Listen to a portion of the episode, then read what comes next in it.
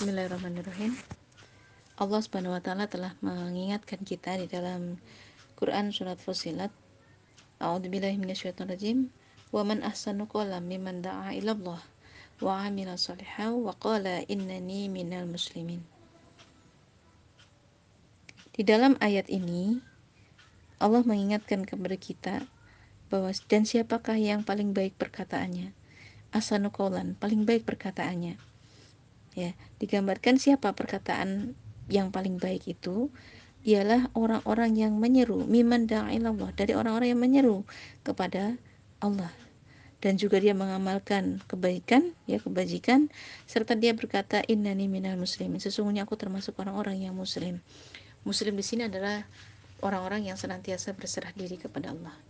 Nah di dalam ayat ini menggambarkan bahwa sebenarnya ucapan-ucapan yang paling baik dari seseorang adalah ketika dia mimanda ilallah seseorang yang menyeru kepada Allah kepada saudaranya.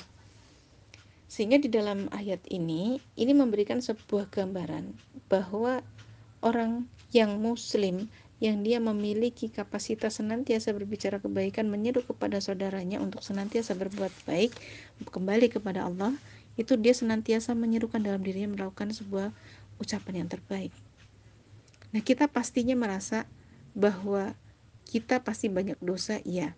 Kita banyak kesalahan, itu iya. Tapi apa salahnya sih sebenarnya ketika kita pun di tengah kondisi yang demikian kita bertobat kepada Allah, memohon ampunan kepada Allah, lalu kita perbaiki dengan menjadikan diri kita bagian dari orang-orang yang senantiasa memiliki asanu kaulan ini tadi, memiliki lisan atau ucapan yang terbaik. Dengan cara memang menyeru orang lain kepada kebaikan. Akan tetapi Kemudian di dasar di dalam uh, ayat yang lain Allah pun mengingatkan kepada kita.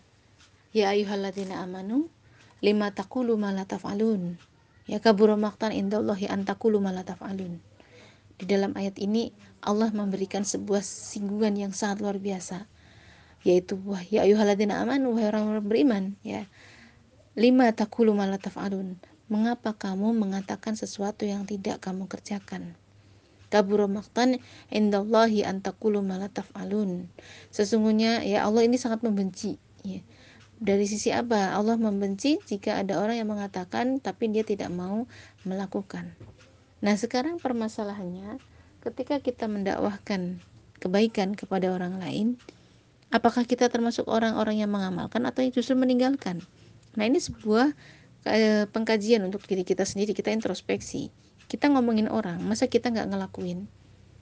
Allah marah besar di situ Allah kabur maktan di situ Allah benar-benar membenci perkara demikian.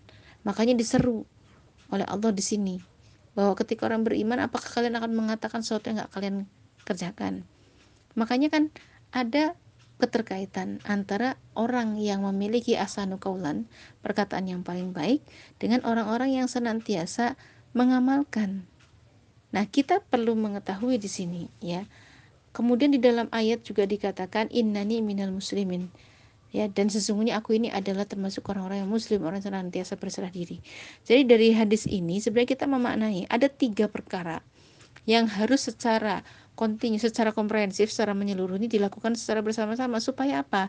Supaya asan kaulan ini benar-benar dimiliki oleh seorang mukmin. Yang pertama, ya, dia berarti menyeru kepada kebajikan, kepada kebaikan, menyeru kepada al-khair, kepada Islam. Itu yang pertama. Yang kedua, dia berarti mengamalkan. Beramal soleh terhadap apa-apa yang sekiranya dia ajarkan kepada orang lain dan dia mengamalkan. Praktis ilmunya dia praktekkan.